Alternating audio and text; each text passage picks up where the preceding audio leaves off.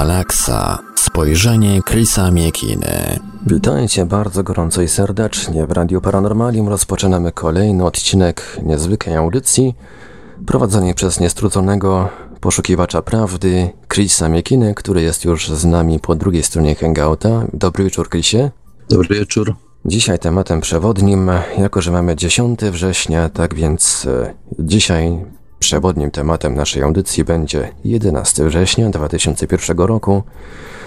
Co nowego e, wiadomo w tej sprawie, tego dowiemy się już dzisiaj od Chrisa, ale zanim przejdziemy do tematu głównego, tradycyjnie podam kontakty do Radia Paranormalium, bowiem audycja jest realizowana na żywo. Można pisać na nasz numer SMS 530 620 493 530 620 493 skype radio.paranormalium.pl Jesteśmy także na gadu gadu pod numerem 36 08 80 36 08 80 Można także wysyłać pytania i komentarze na czata Radia Paranormalium na www.paranormalium.pl oraz na czacie towarzyszącym naszej transmisji na YouTube. Można nas także znaleźć na Facebooku, na fanpage'u Radia Paranormalium oraz na grupach Radia Paranormalium i czytelników Jasnego Świata. A jeżeli ktoś woli, to może także wysyłać pytania, komentarze, no i różne inne ciekawe wiadomości. Oczywiście w temacie głównym, dzisiejszym, ale nie tylko, na nasz adres e-mail radiomałpa-paranormalium.pl. Krysie, oddaję Ci głos. Dzisiaj chyba mam, my, mamy, ja mam sam, chyba jeden z najtrudniejszych tematów, jaki można można poruszyć w tych wszystkich tematach, które są kontrowersyjne, interesujące, frapujące. Wydarzenia z 11 września 2001 roku, one są wciąż bardzo, bardzo żywe. Nie tylko w społeczeństwie amerykańskim, ale myślę, że, że wszędzie indziej one dokonały tego głębokiego i gigantycznego przełomu ludzkiej świadomości przede wszystkim, pokazały świat zupełnie z innej strony i wciąż myślę, że panuje wiele nieporozumień i wiele sprzecznych informacji, jak, jak rozumieć e, to, co się wydarzyło 16 lat temu. Jutro będziemy mieli 16. rocznicę tych wydarzeń. I do dziś w sumie trudno jest znaleźć jednoznaczną i do końca wyjaśniającą historię, która by e, w jakiś sposób opisała to, co wydarzyło się tamtego dnia 16 lat temu. Jak to się stało, kto za tym stoi, jakie są tego konsekwencje, kto na tym skorzystał, a kto, kto na tym stracił. Jest, jest setki, a może nawet tysiące różnych teoretyków, nazywanych często teoretykami konspiracji, którzy znajdują y, najrozmaitsze rozwiązania tego, co się wydarzyło. Pokazują różne historie pod różnym kątem. Ja w pewnym sensie sam do nich należę, obserwuję tę sytuację. Jest ona dla mnie bliska, dlatego że 11 y, września 2001 roku byłem zaledwie 60 kilometrów od, od miejsca, gdzie, gdzie rozsypały się w pył wieże. Było to oczywiście wydarzenie niezwykle traumatyczne i, i szokujące. I dziś, nawet teraz, zdaję sobie sprawę, że trudno jest o tym opowiadać ze spokojem, bo wciąż te emocje to wywołuje. I kiedy popatrzeć na te emocje, widać wyraźnie, że właściwie jest to coś, co zostaje nie tylko y, w świadomości tych ludzi, ale zostaje na zawsze w świadomości ludzi, którzy nigdy z tym nie mieli do czynienia, nigdy nie mieli y, z tym nic wspólnego. Za każdym razem, kiedy zobaczą te zdjęcia, kiedy rozsypują się dwie potężne wieże Twin Towers na Manhattanie, y, taki efekt również będzie wywoływany. I to, i to właśnie dało mi pewien taki sygnał, że jest znacznie więcej w tym zjawisku niż tylko sam, sam akt jakiegoś politycznego terroru, jakiejś manipulacji politycznej po to, żeby osiągnąć jakiś cel, że jest tym znacznie więcej, że jest w tym ukryta jakaś, jakaś magia. Nie jestem pierwszy, nie jestem odkrywcą tego, że jest za tym jakaś magia. Jest kilka osób, które y, próbują znaleźć y, y, w wydarzeniach z 9-11 te zręby takiego magicznego rytuału. I Dzieje się to na rozmaitych poziomach, bardzo często zakłócających się nawzajem. Pierwszą taką książką, którą przeczytałem na ten temat, była książka pod znaczącym tytułem Najba Najniebezpieczniejsza książka na świecie. Była to książka napisana przez Kenta Baina. I w, w zasadzie w całości jest poświęcona temu, w jaki sposób rozumieć to, co wydarzyło się 11 września 2001 roku, jako właśnie pewnego, jako pewien satanistyczny rytuał. Y, po przeczytaniu tej książki w zasadzie przez pół dnia nie chciałem się do nikogo ani odzywać, ani nic cokolwiek robić. Myślałem nad tym, co pisał Bain i zdałem sobie sprawę, że jest to pewien rodzaj chaosu, który, który wprowadził w myślenie czytelnika. Operuje on różnymi terminami, które mają swoje źródła w najrozmaitszych systemach filozoficznych, a także i w religiach, również w jakichś e, elementach emocjonalnych, jak i psychologicznych, które, które są u każdego z nas. To wszystko daje efekt pewnego chaosu i nie sposób zrozumieć tego, co wydarzyło się właśnie tego dnia w sensie tym magicznym, w sensie magicznego rytuału, jeśli nie cofnąć się do samego zarania ludzkości, do tego, co Graham Hancock nazwał y, pierwszą cywilizacją, zaginioną cywilizacją i napisał książkę pod tytułem Magowie Bogów. Myślę, że na tym polega geniusz Hancocka. Y, tytuł książki mówi jakby sam za siebie, mówi o tym, że początki naszego istnienia są początkami magicznymi, że to nie jest tylko tak, że y, jakaś wyższa siła stworzyła i powołała nas do życia. Mówi on o tym, że ta wyższa siła, te prawa kosmiczne regulują w jakiś sposób życiem człowieka. I człowiek, po to, żeby móc osiągnąć pełnię swojego człowieczeństwa, wyjść na wyższy poziom świadomości, musi nie tylko zrozumieć e, te kosmiczne prawa, prawa obowiązujące cały wszechświat, ale także według tych praw żyć. I e, w, książ- e, w Polsce książka ta, nie, wi- nie, wiadomo, nie wiem, nie rozumiem dlaczego została przetłumaczona jako magicy bogów. Magicy i magowie są to dwa różne słowa, bardzo mocno różniące się od siebie e, i przede wszystkim pokazujące różne działanie. Magowie są to, są to, będą to te osoby, które rozumieją prawa kosmosu, prawa wszechświata i próbują popchnąć ludzkość w tą jasną stronę tego rozumienia. Natomiast magicy będą tymi, którzy z kurtyny próbują tymi prawami manipulować, tworząc czarną magię, która zepchnąć ma y, no, człowieczeństwo na, na, na, na skraj otchłani piekieł. A widzimy to niemalże na każdym kroku naszej historii. Jeżeli popatrzymy w książki historyczne, one zawsze obdarte są z tego elementu magicznego. Za każdym razem liczą się tak zwane fakty. I często gubimy się w tych faktach. Nie wiadomo, dlaczego dochodzi do pewnych zdarzeń, dlaczego dochodzi do olbrzymich przełomów, dlaczego upada jedno cesarstwo, powstaje nowe, dlaczego upadają całe kultury, znikają gdzieś z powierzchni, z powierzchni ziemi. Historycy tego nie wyjaśniają. Oni szukają odpowiedzi w faktach, w jakichś wydarzeniach i próbują znaleźć poprzez jakąś, nie wiem, słowną kombinację rozwiązanie takiej zagadki, która nigdy nie jest, które to nigdy nie jest rozwiązanie dobre, nie jest rozwiązanie satysfakcjonujące, dostateczne. Nie jest dobre, dlatego że pomija się ten właśnie element y, magiczny, którym przesiąknięte jest no, całe nasze życie. Spójrzmy na samych siebie.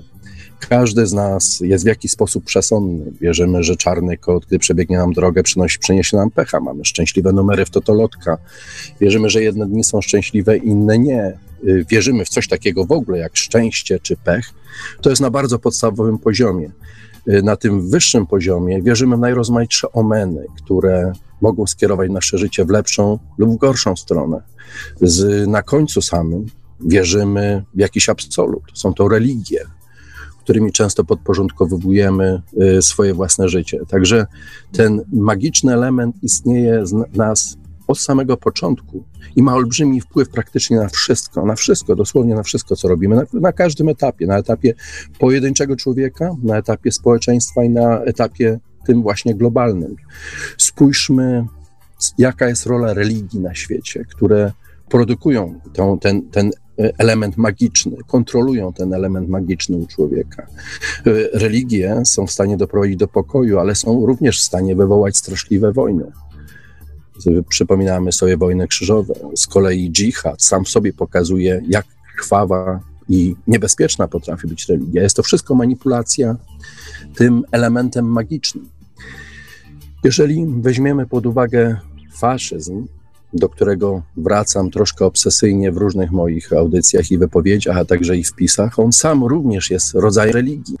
Czasami nazywam go satanizmem, dlatego że satanizm kojarzy mi się z tą właśnie czarną stroną magii, z tą czarną magią, która jest niebezpieczna, która jest antyludzka i widzimy tą manipulację na każdym kroku. Widzimy, jak bardzo faszyzm przesiąknięty jest y, magią, jak bardzo szukał swoich źródeł, swojej wiedzy i swojego pojęcia, na czym y, polega świat i prawa nim rządzące, jak intensywnie szukał na przykład w starożytnych źródłach, y, kolekcjonując tabliczki, dokonując najrozmaitszych wykopalizn, wysyłając wyprawy w poszukiwanie, na poszukiwanie różnych y, zaginionych ksiąg do Tybetu, na południe Francji, czy wreszcie na Antarktydę w poszukiwaniu tej mitycznej Atlantydy, która miała być początkiem wszystkiego.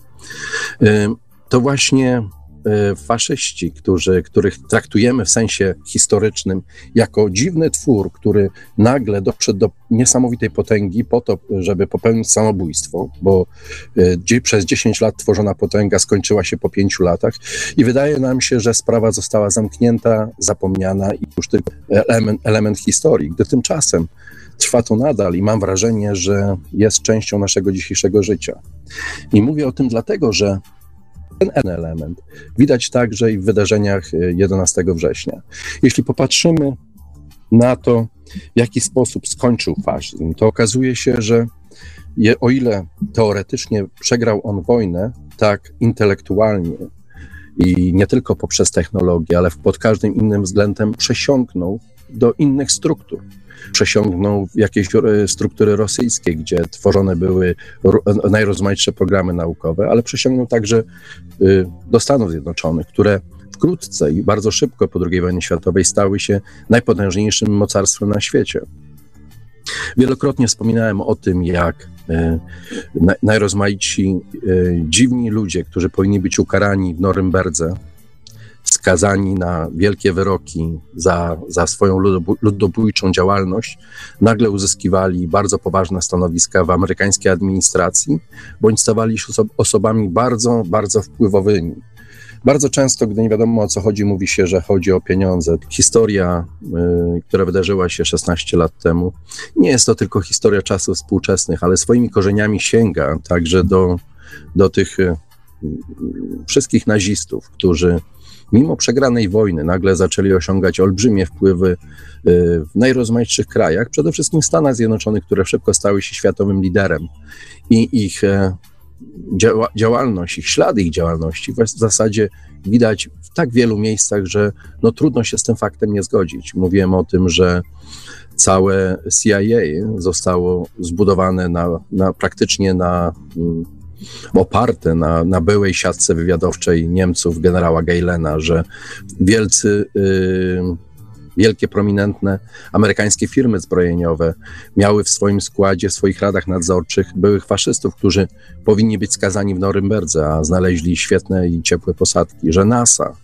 i jej korzenie mają również y, swoje źródła gdzieś w faszyzmie. Sam Werner von Braun był SS-manem a to on stworzył program makietowym, który wysłał Amerykę, Amerykanów na, na, na Księżyc i dokonał różnych przełomowych wynalazków w tej dziedzinie.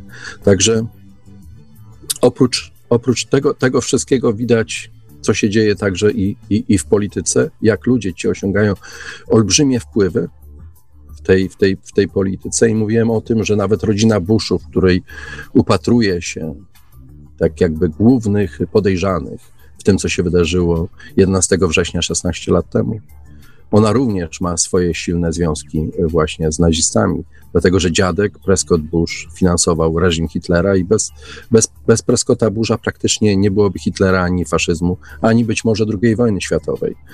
Y, sami Bushowie zasiadają y, w różnych tajnych stowarzyszeniach, między innymi jedno z nich nazywa się Skull and Bones, co samo w sobie przewodzi na myśl jakieś, jakieś niebezpieczne, e, niebezpieczne, tajne stowarzyszenie, którego cele są na tyle ukryte i trudne do zrozumienia, że to już samo to wywołuje, wywołuje podejrzenia.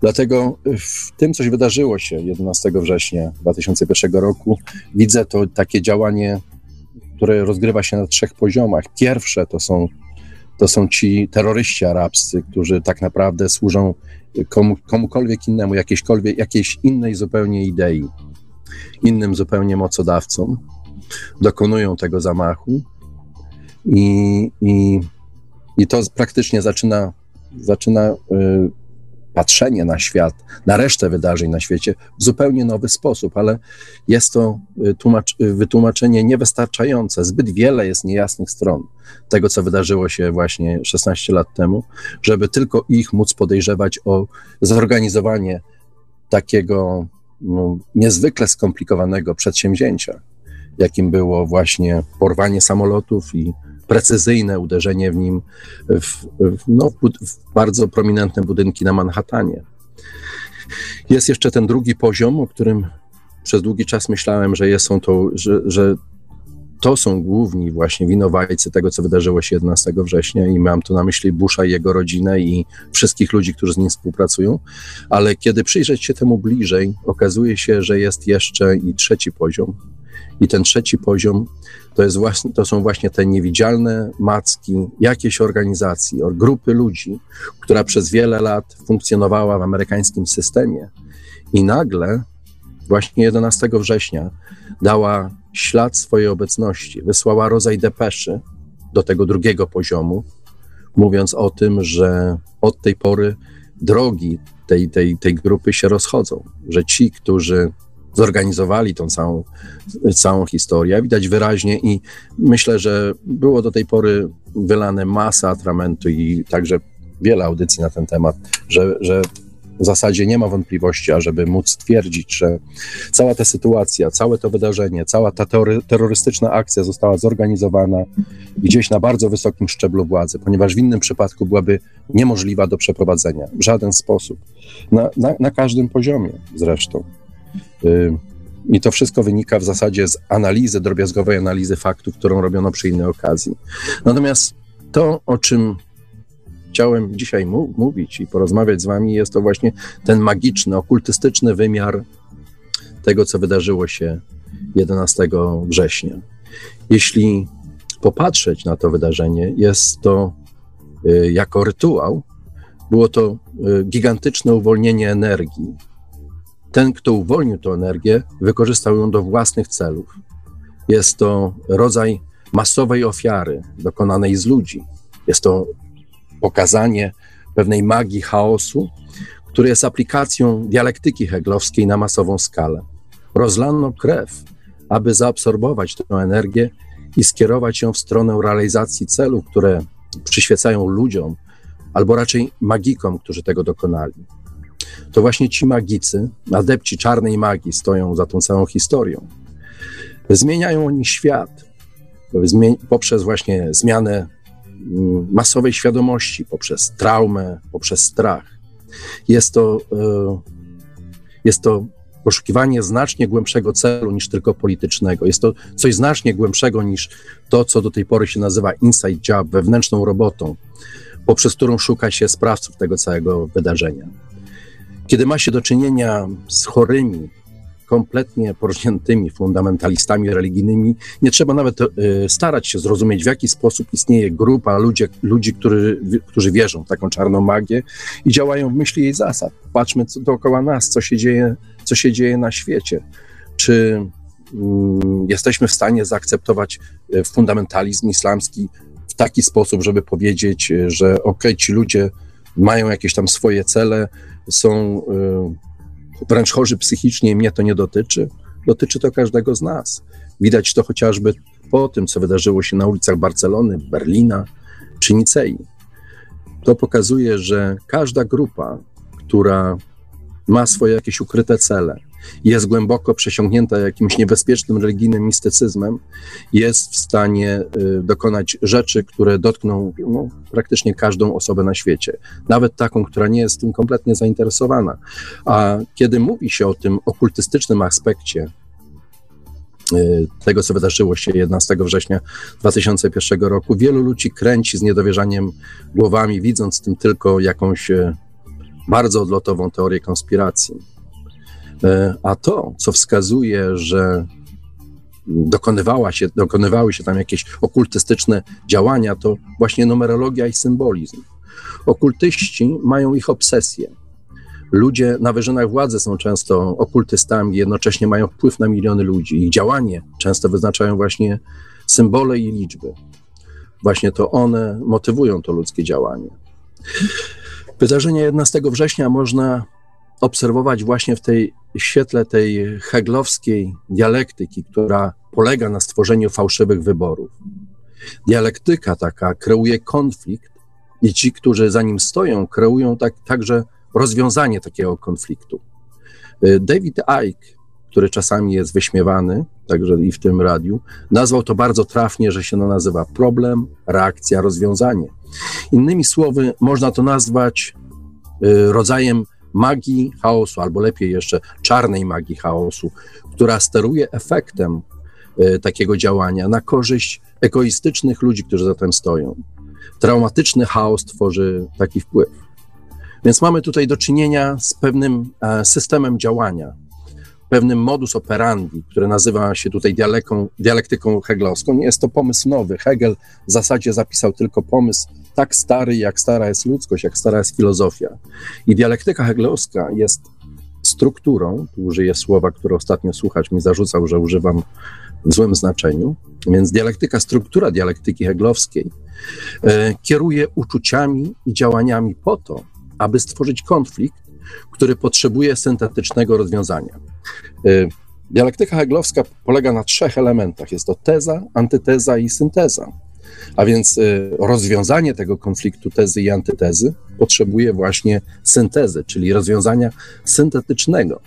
Rozwiązanie takie można podsunąć tylko wtedy, kiedy jedna ze stron konfliktu stanie po stronie tej, którą, którą zaplanowali ci, którzy ten konflikt stworzyli właśnie w jakimś określonym celu. Popycha się czyjeś uczucia i działania do wzięcia udziału w tym konflikcie po to, aby znaleźć rozwiązanie tego konfliktu. Rozwiązanie jest syntetyczne, bo jest oparte na syntezie. Heglowska dialektyka jest często opisywana jako teza, która ściera się z antytezą, po to właśnie, żeby stworzyć syntezę, czyli sztuczne rozwiązanie konfliktu. Rozwiązanie i cel jest znany z góry. Trzeba tylko wesprzeć tę stronę E, konfliktu, któremu sprzyja. Widać to na przykład wyraźnie na przykładzie polskiej polityki. Przez wiele lat e, problemy między Polakami nigdy nie nabrzmiały do takich rozmiarów, jak nabrzmiały dziś. Dziś wystarczy niewielka różnica, żeby nagle stać się fanatycznym zwolennikiem kaczyzmu albo fanatycznym przeciwnikiem kaczyzmu. To właśnie y, te wszystkie polityczne historie wywołują niesamowite i olbrzymie emocje które y, szarpią ludźmi, targają ich we wszystkie strony, a być może wszyscy jesteśmy w tym sensie y, właśnie ofiarami tej heglowskiej dialektyki, która jest stosowana praktycznie od zawsze. Jeżeli heglowską dialektykę przyłożyć do różnych zjawisk y, czy wydarzeń, które wydarzyły się w historii, których do końca się nie rozumie, okazuje się, że jest to. Czyżbym znowu, znowu został wyłączony? Marku, halo? Nie, ja tylko podesłałem ci tutaj pytania z czata. Wszystko gra i będzie, Dobrze, nie wiem, czy będzie czas odpowiedzieć na pytania, dlatego że temat jest trudny i skomplikowany. Ja sam nie czuję się zbyt, y, w nim y, y, zbyt, zbyt swojsko i wiem, że wśród wielu ludzi będzie on miał różny odbiór i różnie będą na niego patrzeć. No ale wracam jeszcze do tej mojej dialektyki heglowskiej, która być może jest właśnie czymś, co co reguluje wszystko to, co wydarzyło się w historii, której y, być może dialektyka heglowska jest narzędziem do przeprowadzenia wszystkiego, w zasadzie do zrealizowania każdego planu, choćby był najbardziej szalony. Spójrzmy na to, co wydarzyło się 11 września. Czy bez przypadków 11 września Ameryka zgodziłaby się, ludzie, y, Amerykanie, y, ludzie tego kraju, czy zgodziliby się na to, ażeby wysłać olbrzymią armię i zaatakować Irak, Afganistan, rozpocząć wojnę na Bliskim Wschodzie, która trwa do dziś, jest to najdłuższa wojna Ameryki? E, prawdopodobnie nie, ale wymyślenie właśnie konfliktu i znalezienie rozwiązania znaczy rozwiązania i stworzenie rozwiązania, które byłoby pomyśli tych, którzy, którzy cały ten konflikt stworzyli, doprowadziło do tego, że właśnie, e, że właśnie mamy taką sytuację, jaka jest efektem tego, co wydarzyło się 11 września. Tak więc e, wydarzenia 11 września były dialektyką heglowską w działaniu na masową skalę. Aby to osiągnąć, ci, którzy zorganizowali ten atak, poszli jeszcze dalej, tworząc wydarzenie symboliczne, przesiąknięte numerologią, która pojawia się wszędzie. Aby zrozumieć okultystyczny wymiar 11 e, września, trzeba także zrozumieć trzy okultystyczne tradycje, które się na nie złożyły. Słowo okult, okultyzm, oznacza ukrytą wiedzę. Pochodzi to od łacińskiego słowa okultare, co oznacza ukryć, zabezpieczyć, schować. Nie można myśleć o okultyzmie. Zazwyczaj myśli się o okultyzmie jako synonimie zła, uosobieniu zła. Nie jest to y, uosobienie zła. Okultyzm sam w sobie nie jest złem. Ukryta wiedza zazwyczaj była przechowywana przez tych, którzy starali się w jakiś sposób, sposób ochronić swoją własną kulturę, swoją wiedzę, w której y, dana społeczność y, wyrastała. Jest to w większości wiedza ezoteryczna, co oznacza, że nie jest ona powszechnie znana przez ludzkie masy. Nie polega, y, nie podlega bezpośredniemu doświadczeniu przez, przez zmysły. To, o czym teraz mówię, opisując ten proces, jest czymś w rodzaju deokultyzacji, bo wyjaśnia cały proces, na czym on polega, skąd on pochodzi i skąd on się wziął. W związku z tym będzie to odkrywanie, a nie zakrywanie. E, zabieramy to, co ukryte i stawiamy to w świetle dnia po to, żeby właśnie dostrzec tą manipulację, której my też jesteśmy częścią. I te trzy tradycje, które są związane z wydarzeniami 11 września, to e, tradycja kabały, tarotu i tradycja masońska. Żadna z tych tradycji sama w sobie nie jest zła i każda z nich dotyczy ludzkiej świadomości. I chodzi tu o to, żeby lepiej zrozumieć e, samych siebie, lepiej zrozumieć nasze dążenia i to, do czego zmierzamy. Tradycje te to nauka o ludzkiej duszy i jej doskonaleniu, przez co człowiek może osiągnąć wyższy stan świadomości nie tylko wobec świata, ale także wobec samego siebie. Dzięki temu człowiek jest w stanie poznać prawa wszechświata, wobec których musimy się dostosować i, i żyć zgodnie z tymi prawami, czego. Y, dzięki czemu unikniemy ty, tych wszystkich cierpień, które towarzyszą naszym życiu. I teraz, kiedy popatrzymy na, na tradycji, na tradycję kabały, i tradycję tarota, a także e, tradycję masońską, wszystkie one jakby w jakiś sposób są ze sobą połączone. Kabała bardzo często to e, kojarzona jest z filozofią żydowską. Nawet kiedy czytamy w Wikipedii, zauważymy, że kabała i jej początki są gdzieś ustawiane na wiek XII, na e, różnych mistyków żydowskich, którzy praktycznie stworzyli zręby i podstawy teoretyczne tego, czego, co dziś nazywamy kabałą. Gdy tymczasem kabała jest starsza niż chyba jakakolwiek y, kultura, y, która, która istnieje na Ziemi. Jest być może tak samo stara, jak stare są piramidy, jak stare są megality, jak stara jest ta nieznana, zaginiona cywilizacja, która gdzieś zniknęła, o której Brian Hancock mówi, że gdzieś zniknęła, zniknęła Ziemi, że zostawiła nam nie tylko wiedzę w postaci tych megalitycznych budowli, gdzie zaklęte są numery i symbole, znowu numery i symbole, ale także pewien rodzaj filozofii, który mm, przejawia się i w jakiś sposób realizuje się bardzo często w najrozmaitszych religiach bardzo często na zasadzie perwersji tej pierwotnej idei. Także Kabała y, nie może to być traktowana w sensie y, stricte religii żydowskiej czy odłamu mistycyzmu żydowskiego, ale y, ra, raczej traktowana jako, jako źródło, z którego przyszła wszelka jakby nasza wiedza, która nie ma, nie, nie ma nic wspólnego z żadną nacją, narodem czy jakąś określoną filozofią. I Kabała opisuje, czy daje zrozumienie tego, w jaki sposób żyć w zgodzie z prawami y, z kosmosu. Stara się poprawić nasze życie, poprawia warunki, w których żyjemy. Każda z tych tradycji ma oczywiście swoją ciemną i jasną stronę. Jasna to ta strona ezoteryczna. Jest to ezoteryczna intencja, o której mówiłem wcześniej. Ciemną strona, ciemna strona jest perwersją tej tradycji. Jest jej zamykaniem. Zamiast dzieleniem się z nią innymi i wykorzystywaniem tej wiedzy przez y, różnych ludzi dla swoich egoistycznych i samolubnych celów. Y, używa się jej także jako narzędzia, które daje przewagę nad innymi, tymi, którzy są ignorantami tej wiedzy. Jest to ciemny okultyzm.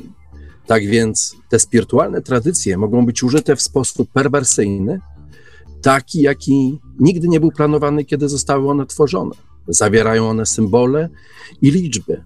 Y, zawierają one informacje na temat pierwszej wiedzy ich celem jest podniesienie świadomości. 11 września jest właśnie rodzajem perwersji tej wiedzy. Wykorzystuje ją do kontroli i manipulacji po to, aby osiągnąć czyjeś egoistyczne cele, z których najwyższym jest właśnie zniewolenie ludzkości, zatrzaśnięcie ludzkiej świadomości i wrażliwości na ból innych ludzi. W rytuale tym ofiarą y, byli nie tylko sami ludzie, ale także bogini. Bogini, dziś można by ją nazwać Sofia, bogini wiedzy, bogini empatii, czegoś, co, co powoduje, że jako ludzie jesteśmy unikalni, czegoś, co, co sprawia, że nie jesteśmy tylko zwierzętami walczącymi o przetrwanie, ale istotami myślącymi i świadomymi. Dlatego rytuał 11 września był y, mniej więcej tym samym, co, co mroczne rytuały w Bohemian Grove. To następny taki element, który bardzo często pojawia się w najrozmaitszych teoriach konspiracji, ale on właśnie pokazuje, że ludzie opętani myśleniem mistycznym, opętani czarną magią, istnieją naprawdę, dokonują takich rytuałów i na tej samej zasadzie, jak gdzieś w lasku czeskim w Kalifornii wykonywany jest y, mroczny rytuał, gdzie główną rolę odgrywa śmierć, to ten sam rytuał został dokonany na, y, na globalną skalę właśnie 11 września 2001 roku. Dzięki temu e, w zasadzie świat, można, można powiedzieć, że świat popadł w traumę. Obrazy rozsypujących się wież, wieżowców, grzebiących żywcem tysiące ludzi e, jest pokazywany tak często, że właśnie, tak jak wspominałem wcześniej, bez problemów można było zgodzić się na to, żeby napaść inne kraje, ograbić ich, ich własnych bogactw, a jednocześnie zamknąć otwarte społeczeństwo i zamienić go na totalitarne państwo policyjne. Wszystko to powstało dzięki właśnie zniszczeniu świadomości, empatii i wstrzyknięciu tego negatywnego, toksycznego myślenia. Rytuał był tutaj po to, żeby żerować na tej energii i sama świadomość została zatrzaśnięta przez strach. Kiedy zapowiadałem tą dzisiejszą audycję, która nie za bardzo dobrze mi dzisiaj idzie, nie wiem z jakich powodów. Jedna z czytelniczek Nowej Atlantydy, Iwona zapytała o ilość budynków, które zostały zniszczone 11 września 2001 roku. Czy były to trzy budynki, czy, czy cztery budynki, mm, żeby ustalić tą liczbę. Były z pewnością trzy budynki. Dwie wieże, World Trade Center i y, budynek numer 7, znany jako y, wieżowiec y, Solomon Brothers, który miał 47 pięter, który jest najbardziej kontrowersyjnym e, elementem tej całej układanki rytuału 11 września, dlatego że e, budynek ten, jak wiemy, nie został uderzony przez żaden samolot, przez żaden pocisk. Po prostu rozsypał się sam z siebie. Budynek ten jest wystarczającym dowodem na to i sposób, w jaki się rozpadł, wystarczającym dowodem na to, że e, 11 września jest czymś więcej niż tylko atakiem terrorystycznym, że kryje się y, za tym coś znacznie więcej. I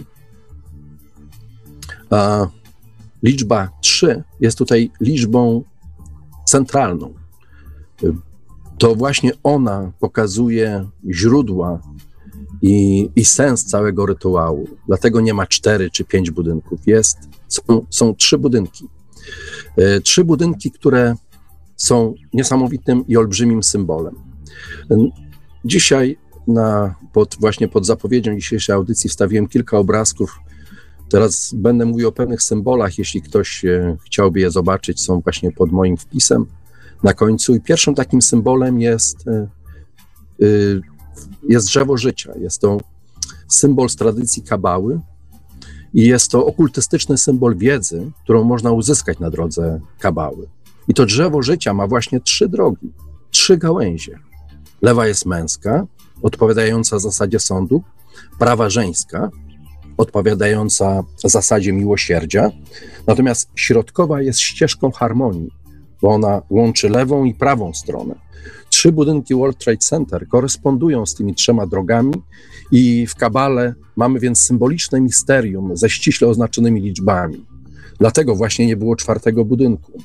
Dlatego, że właśnie cała ta historia sięga bardzo głęboko y, okultystycznych korzeni i jest rodzajem misterium. Z kolei w tradycji tarota mamy do czynienia z wieloma kartami, gdzie znajdują się dwie kolumny i w, i w środku, gdzieś pomiędzy nimi, znajduje się jakaś istota. Najlepiej e, symbolizuje y, ten symbol, symbolizuje symbol, najlepiej symbolizuje ten obraz druga karta, stali zwanej Major Arcana. Y, pierwsza karta to jest karta y, maga, magika. Druga karta jest to karta Wielkiej Bogini. Jest ona również, ją również pokazałem na, na, na blogu. I właśnie na, przedstawia ona boginię, która właśnie stoi pomiędzy dwiema kolumnami. Y, rytuał 11 września dotyczył zniszczenia właśnie tej kobiecej energii. Na karcie bogini stoi właśnie pomiędzy tymi dwiema kolumnami, co pokazuje, podobnie jak, jak na schemacie drzewa życia z kabały, najkrótszą drogę pomiędzy podstawową świadomością, tą zwierzęcą świadomością, funkcjonującą na najniższym poziomie, a wyższą świadomością. E, bogini jest, jest również przedstawiana czy rozumiana także jako kolumna. I tak jest rozumiana właśnie w wierzeniach masońskich, gdzie mamy już trzy kolumny i są to kolumna siły, piękności i wiedzy. Dwie wieże World Trade Center to rodzaj tezy i antytezy. Jest to kolumna sądu i kolumna miłosierdzia. Męska kolumna i żeńska kolumna. Kolumna kobieca, kiedy popatrzymy znów na, na karty Tarota, ma czarną sferę na swoim szczycie, Y, podobnie ma, ma czarną sferę na drzewie życia w kabale, co reprezentuje zrozumienie. Męski budynek z kolei bardzo łatwo było rozpoznać, bo miał antenę na swoim szczycie. Środkowa kolumna to budynek 7.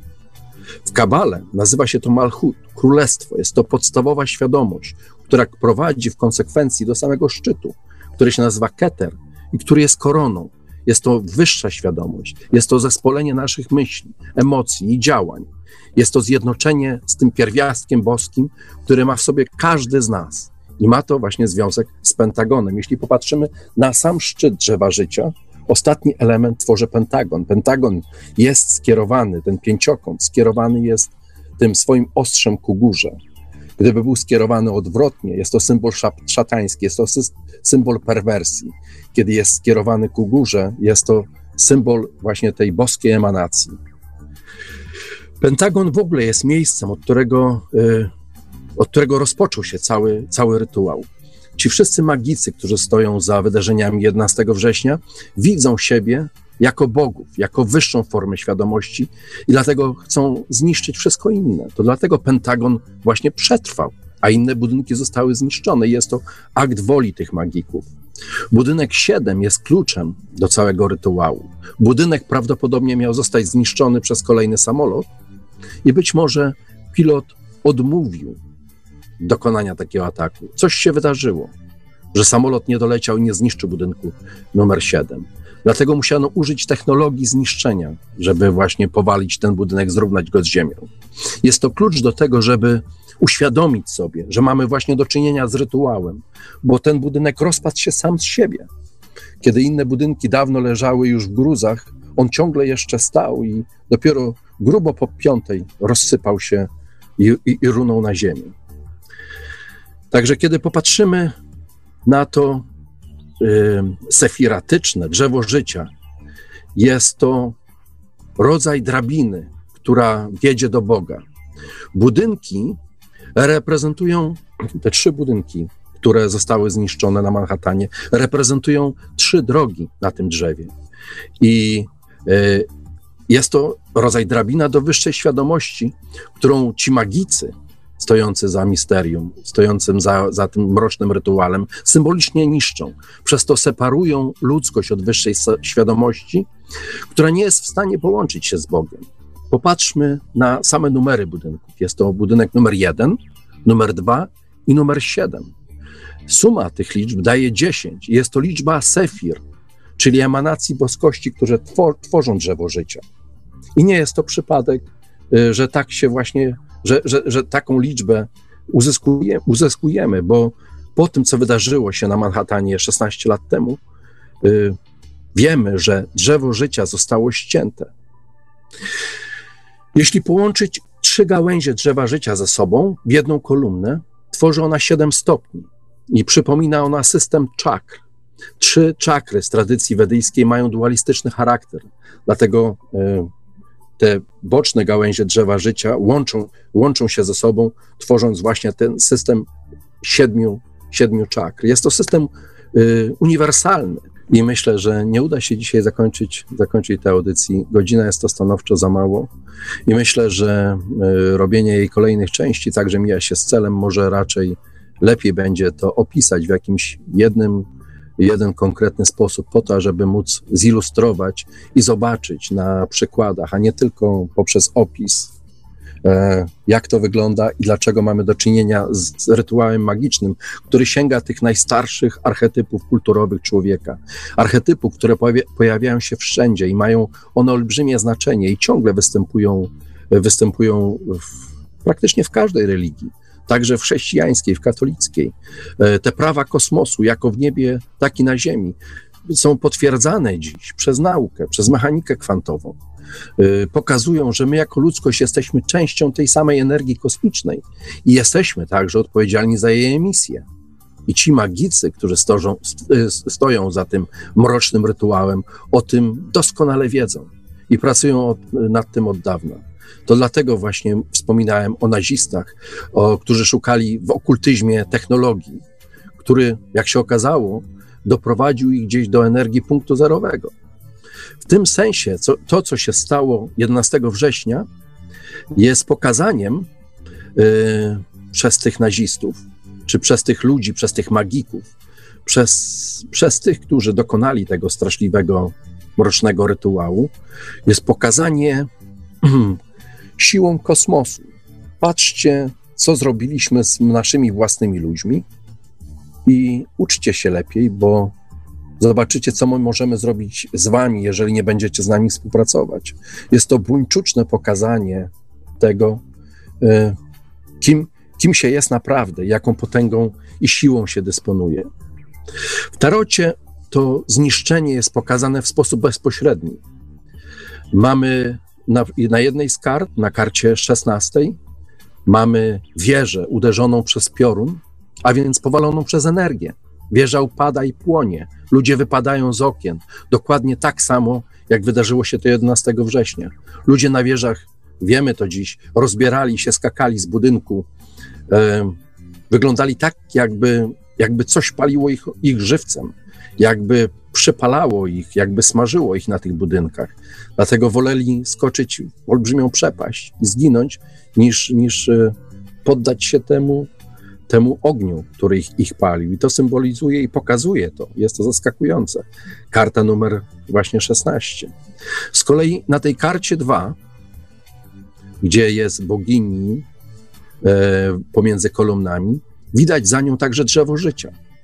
Bogini trzyma w swoich rękach zwój, na którym napisane jest Tora. Tora w tym przypadku oznacza prawo.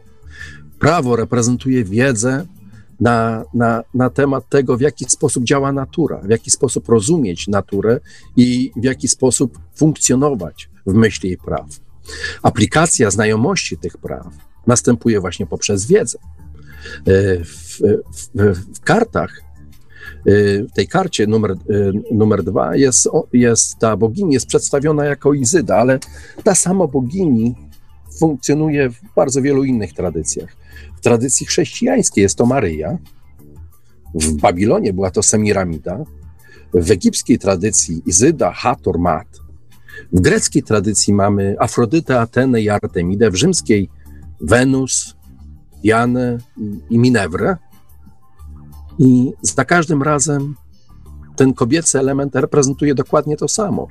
Reprezentuje rozumienie zasad prawa naturalnego, które istnieje w kosmosie, któremu podlegamy. Musimy nie tylko zrozumieć to prawo, ale i włączyć samych siebie w to prawo. Jest to y, rodzaj świętej miłości, i dbałości przypisywany kobiecemu pierwiastkowi. Jest to wiedza oparta na sercu, tak jak czakra serca jest czakrą centralną dla całego człowieczeństwa, dla całej ludzkości. Tak samo w tym przypadku ta wiedza, ta Sofia, do której zmierzamy, reprezentowana przez boginię, jest oparta na sercu, z którym musimy się jakąś połączyć. Jest to rodzaj kolumny. kolumny. Jest to rodzaj komunii z wyższym stanem świadomości, jaki y, y, wzbudzamy w sobie, podążając drogą tej wiedzy. Dlatego bogini jest środkową kolumną, jest właśnie najkrótszą drogą do wyższej świadomości. I ten sam element mamy powtórzony przez y, tradycję masońską. Te dwie kolumny to Jachim i Boaz, kolumny ze świątyni Salomona. Y, tak jak tarot i masynaria mają swoje korzenie y, w kabale, y, tak właśnie te symbole ciągle pojawiają się i przewijają się nieustannie y, w całej, można powiedzieć, ludzkiej historii. Kiedy popatrzymy na trzy budynki zniszczone tego dnia 16 lat temu na Manhattanie, budynek numer 7 często nazywany był Salomon Brothers i obok dwie kolumny reprezentowały jakby wejście do, do świątyni y, Salomona. Dwie piramidy i trzecia mniejsza również reprezentują ten sam system. Zniszczenie tych budynków na Manhattanie jest symbolicznym zniszczeniem boskich zasad. Trzyma to ludzi w strachu i kontroluje ich emocje. Dochodzi tutaj ten żeński element, o którym cały czas, cały czas mówię i po, podkreślam jego znaczenie, y, pojawia się w wielu innych elementach, na przykład Terra, bogini Gaia, po łacinie Terra, ziemia, bogini ziemi. Jest to znów, mamy tutaj do czynienia y, z, takim, z tym pierwiastkiem kobiecym. I jakie słowo pochodzi od słowa terra? Terroryzm. I wojna z terroryzmem coraz bardziej w tym sensie, w sensie tego, tego gigantycznego rytuału, przypomina właśnie wojnę, wojnę z ziemią. I, i dlatego, ażeby ażeby wygrać tę wojnę ziemią, ażeby przejąć tę ziemię od nas i sprowadzić nas do rangi niewolników, budynek numer 7 musiał zostać zniszczony. Skoro reprezentuje on boginię i gdyby przetrwał, oznaczałoby, że bogini wciąż żyje. I dlatego został zniszczony w tak dziwny i niewytłumaczalny sposób. Po to właśnie, ażeby cały, cały ten rytuał y, nabrał jakiegoś sensu. Dalej, przeglądając karty Tarota, dochodzimy do karty 13 i jest to, jest to karta śmierci.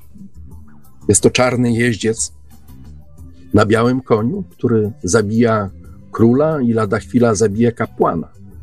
Jest to właśnie ilustracja, w yy, jaki sposób działa dialektyka, gdzie, gdzie stary porządek niszczony jest przez nowy porządek. Jeździec jest w tym sensie nowym królem świata. Jest to śmierć i zniszczenie dla ludzkości. Spójrzmy na flagę, którą trzyma w swoich rękach. Jest to czarna flaga, na której jest właśnie odwrócony pentagram. Ten odwrócony pentagram reprezentuje y, symbol szatana. Za nim, gdzieś na horyzoncie, znajdują się dwie wieże, pomiędzy którymi zachodzi słońce. I pokazuje to właśnie, jak działa teza i antyteza, po to, aby właśnie zniszczyć stary świat i dać właśnie to syntetyczne, sztuczne rozwiązanie, które chce się osiągnąć. To, to sztuczne rozwiązanie to nowy światowy porządek, mroczny światowy porządek. To jest coś, co na nas, dla, na nas tutaj powoli przychodzi i, i my możemy to zaakceptować albo i nie, bo wciąż wydaje się, że mamy jeszcze wybór, że mamy jeszcze czas. A w wierzeniach masońskich, trudno nazwać masonerię religią, jest to rodzaj religii. Jest to rodzaj systemu ezoterycznego, który, który akceptują ci ludzie. Masonerii y, kolumny symbolizują możliwość wspięcia się na wyższy poziom świadomości. Na ostatnim obrazku, który dołączyłem do tej kolekcji, którą dodałem do mojego wpisu, widać pewien taki emblemat masoński, który reprezentuje całą masońską symbolikę. Trzy kolumny y, stoją na podłodze, która jest w kształcie wielkiej szachownicy. I szachownica ta reprezentuje taką podstawową świadomość, albo raczej ignorancję, brak możliwości, umiejętności odróżnienia dobra od zła. Jest to ten poziom świadomości zwierzęcej, jest to poziom instynktu, gdzie umysł i wyższa świadomość nie ma jeszcze dostępu. Można się do niej wspiąć. E, prawy słup w tym przypadku ten, nad którym jest księżyc, to Boaz, lewy słup, nad którym jest słoń, słońce, to Jachim. Reprezentuje on siłę i działanie, które musi być z harmonii, w harmonii z wiedzą. I, I środkowy słup, właśnie z literką y, W, oznacza wiedzę. Szachownica jest reprezentacją Ziemi. Jeżeli odwrócimy, spójrzmy na, ten, na, ten, na, to, na to zdjęcie, tak jak ono jest przedstawione. Yy, mamy tam zaznaczone strony świata, na górze mamy, mamy wschód. Jesteśmy zazwyczaj przyzwyczajeni do tego, że na górze mamy północ. Natomiast na, tutaj na górze mamy wschód i zachód, więc jeżeli ustawimy to w naszej wyobraźni, ten obrazek, yy, tak jak zazwyczaj na niego patrzymy, żeby północ była na samej górze, to okaże się, że Y, mamy tutaj dokładną mapę, mapę Ziemi. Szachownica będzie, będzie tutaj Ziemią, środkowa kolumna będzie równikiem, a dwie boczne kolumny to zwrotniki. Y, drabina na tym obrazku jest drogą od słabego światła księżyca, co oznacza, jest to początek takiego oświecenia, od słabego i odbitego światła księżyca w stronę słońca. Na środku tej drabiny znów mamy tą samą boginię, którą mamy na kartach Tarota i mamy w różnych systemach najstarszych rodzajów e, wiedzy ezoterycznej. Bogini trzyma klucz. Jest to klucz do wszystkiego. Jest to klucz do wiedzy. Jest to klucz do gwiezdnych portalów. Nie da się opuścić naszej planety bez tego klucza. Tyle, że ten klucz wisi na ostatniej nitce i wszystko się może z nim wydarzyć. Jest to klucz do rodzaju, kosmiczny, do rodzaju kosmicznej iluminacji. I tutaj również mamy, mamy pewien szyfr, dlatego że y, masoneria zawsze będzie nam się kojarzyła y, z przede wszystkim ze świątynią Salomona i ciągle się o niej mówi, ale wydaje się być, że jest to, że jest to rodzaj y, dość interesującej alegorii, dlatego że słońce to jest sol albo sal, natomiast księżyc jest to Moon albo Mon, tak jak poniedziałek to Monday, dzień poświęcony księżycowi, czyli mamy słowo Solomon, czyli mamy coś, co łączy żeński i męski aspekt, działanie i emocje, tezę i antytezę. I właśnie tym sensie chyba należy rozumieć nie jakiegoś żydowskiego historycznego króla gdzieś tam w odległej przeszłości, przeszłości Ziemi, a raczej jako symboliczną alegorię tego, w jaki sposób świat w jaki sposób podnieść tą swoją własną e, świadomość. To tak samo jak, jak Arka Przymierza, która miałaby być przechowywana w tej świątyni Salomona. Arka Przymierza jest to nie przedmiot, a raczej boska esencja jest przechowywana w naszych sercach i, i, umysłach. I to właśnie reprezentowane jest na tym alegorycznym emblemacie masońskim, który tutaj właśnie przedstawiam y, w Nowej Atlantydzie. Czasami w, tym, w tego typu emblematach, które symbolizują cały system tej, tej masońskiej wiary, jako trzecia kolumna przedstawiany jest Hiram Abib. Jest on na samym dole drabiny i jest to... Y, i, i on wówczas reprezentuje reprezentuje ten, tą wiedzę, tą e, środkową kolumnę. Mi się wydaje, że powoli dochodzimy tutaj do końca naszego czasu na dzisiaj. Ja przepraszam za trochę nieskładne dzisiaj te historie wypowiedzi. Jakoś nie potrafię pozbyć się emocji, które towarzyszą mi mówieniu właśnie o 11 września w formie rytuału i przedstawienia tego zjawiska nie jako czegoś z przeszłości albo tylko i wyłącznie pewnego konceptu filozoficznego albo wydumanej historii czy bajki, ale czegoś realnego, co dotyczy nas, czegoś, co pokazuje, że jesteśmy w samym środku jakiejś dziwnej, strasznej wojny, która trwa od zarania ludzkości i trwać będzie dopóty, dopóki nie staniemy się albo ludźmi wolnymi, albo niewolnikami. Tutaj wybór należy do nas i myślę, że do tematu powrócę i na pewno raczej opiszę go dokładnie z przedstawieniem także e, tego systemu liczbowego, numerologii, która tutaj ma szczególnie istotne znaczenie. To, o czym mówiłem do tej pory, były to symbole, widoczne symbole reprezentujące e, fakt, że na naszych oczach od, od, odgrywał się pewien rytuał, którym ktoś kierował. E, była tą czarna msza na żywo. Oprócz symboli, tym wszystkim symbolom towarzyszyły numery, które przedstawione w formie gematrii, tutaj dziękuję e, kolegom, którzy wstawiają mi różne gematryczne zestawy e, liczb na, na Nowej Atlantydzie.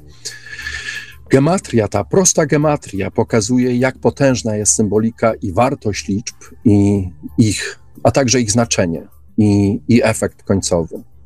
Jest to, jest to druga część e, wyjaśnienia rytuału, który miał miejsce 16 lat temu i którego efekty odczuwamy do dziś. I wszystko, wszystko dzisiaj jest przeciwko mnie. I no i właśnie i dlatego, dlatego wymaga to albo osobnej audycji, albo dokładnego opisu z ilustracjami, a także z przedstawieniem różnych e, liczbowych działań, które wyjaśnią, dlaczego mamy tutaj do czynienia z czymś o wiele większym, o wiele bardziej mrocznym i o wiele bardziej uniwersalnym. I że nie jest to wyłącznie tylko wymysł, a my jako ludzkość i nasza historia ma o wiele bardziej mistyczne ezoteryczne, e, e, ezoteryczną wartość niż nam się to wydaje. Dziękuję jeszcze raz wszystkim za, za uwagę. Przepraszam za moją dzisiejszą nieskładność. Jakoś nie radzę sobie dzisiaj zbyt dobrze z tym tematem. Jest to związane z wieloma rzeczami, ale zawsze mi coś wypada, więc jest to taka tradycja nowa, świecka na, na, w audycjach Paralaksy. I jeszcze raz dziękuję za uwagę. Do tematu powrócimy. A wiesz co, ja, ja chyba mam jeszcze jedną liczbę. Trzynastkę, wiesz? Jeden pentagon i trzy budynki World Trade Center w Nowym Jorku daje 13. To chyba trzynastka. Oczywiście to się wszystko, no ale to daje z kolei czwórkę gematryczną, także to dodaje kolejny efekt. To jest tak samo jak y, tym końcowym efektem, tym w zasadzie można by zakończyć dzisiejszą audycję, jeśli chodzi o symbole. Bo zobaczmy, co, się, co zostało zbudowane w miejscu, gdzie stały dwie wieże. Została zbudowana jedna wieża, czyli ten stary system został obalony i powstał jeden wielki, gigantyczny moloch, który ma być tą osią całego nowego porządku światowego i być może ma być tym, co, co się Nabuchodonozorowi pokazało we śnie, co opisuje prorok da Daniel, gdzie opisuje on tam olbrzyma ze, z głową ze złota, ze srebrnymi ramionami, z brązowym torsem na żelaznych nogach, ale glinianych stopach. Być może właśnie jest to ten, ten budynek symbolizuje, e, symbolizuje efekt końcowy tego, tego rytuału. Budynek jest już ukończony, a nawet jego wysokość, która mierzona w stopach ma w sobie trzy siódemki, jest następnym asumptem do spekulacji na temat symboli i liczb i co one oznaczają. Także tak możemy zakończyć dzisiejszą paralaksę. Um, Krysie, wiem, że planujesz zrobić sobie dwa tygodnie przerwy, może e, parę słów co w kolejnych paralaksach i kiedy ponownie się usłyszymy? No właśnie, nie wiem, co w kolejnych paralaksach. Y, jest, jest dużo ciekawych tematów. Chciałbym wrócić do wszystkich starszych zapowiedzi, kiedy chciałem mówić o, o bardzo dziwnych związkach pomiędzy instalacjami, to co się działo między, pomiędzy y, zjawiskami UF, zjawiskiem UFO a instalacjami y, atomowymi. Pojawianie się UFO w tych przypadkach jest, jak się okazuje, o wiele częstsze i nie tylko to, które znamy do dzisiaj, ale także pojawiło się wielu nowych świadków, pojawiły się nowe historie, o których chciałbym opowiedzieć. Chciałbym wrócić do kilku tematów ze tych wszystkich starych i prawie że zaginionych cywilizacji. Jak się okazuje po dzisiejszej audycji, Nie ma, nic nie istnieje w próżni. Nie można być ufologiem, nie interesując się zaginioną cywilizacją i odwrotnie, że praktycznie wszystko łączy się w jakiś sposób ze sobą, że starożytne E, rytuały, które stworzono wiele, wiele tysięcy lat temu, być może w ludzkiej prehistorii, dziś są ciągle żywe i ciągle funkcjonują w naszym życiu i są częścią naszego życia, choćby w postaci i formie religii.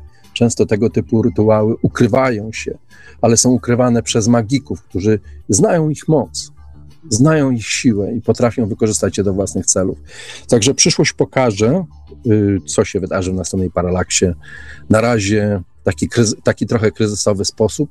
Robię małą przerwę na zupełnie inną, inną działalność, no, którą niestety jestem zobowiązany y, no, niestety zrobić, bo, bo, bo zobowiązałem się wobec, wobec innych, coś tam dokonać i tak dalej, także mam nadzieję, że w przyszłości y, zawiadomię, poinformuję na stronie, napiszę też kilka nowych artykułów, także będzie co czytać i czym się zająć i o czym podyskutować, a na, na razie chciałbym zakończyć troszkę na jakiś czas inflację mojej osoby, bo pojawiło się moich audycji bardzo dużo na YouTubie, jakichś starych historii, w ogóle już nie mogę na siebie patrzeć, gdy nie otworzę YouTube, gdzieś tam z boku pokazuje się kolejna moja audycja i, i dlatego trzeba to jakoś może wyhamować i, i wyciszyć.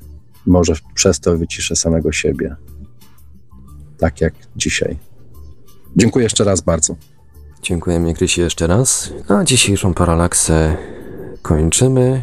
Oczywiście audycja w dalszym ciągu będzie emitowana w tym czasie, w czasie tej przerwy na antenie Radia Paranormalium. Nie wiem jeszcze co będzie za tydzień, być może albo będzie jakaś powtórka, albo wcielę w końcu w życie plan związany z prezentacją pewnych artykułów z paralaksy w wersji audio, ale to się jeszcze okaże. Audycję, jak zawsze, obsługiwał od strony technicznej Marek Sękiewelios, Radio Paranormalium, Paranormalny Głos w Twoim domu. Dobranoc i do usłyszenia ponownie w kolejnych audycjach na naszej antenie, no i oczywiście w kolejnej Paralaksie. Byłeś świadkiem zagadkowego zjawiska? Jeśli tak, poinformuj nas o tym już dziś. Czekamy na relacje współczesne oraz z lat ubiegłych. Nasze kontakty to Numer gadu gadu 36 08 8002 36 08 8002 Numer telefonu 32 746 0008 32 746 0008 E-mail radiomałpa paranormalium.pl radiomałpa paranormalium.pl oraz skype radio.paranormalium.pl Czekamy na Twoją relację. Na życzenie świadka zapewniamy pełną anonimowość.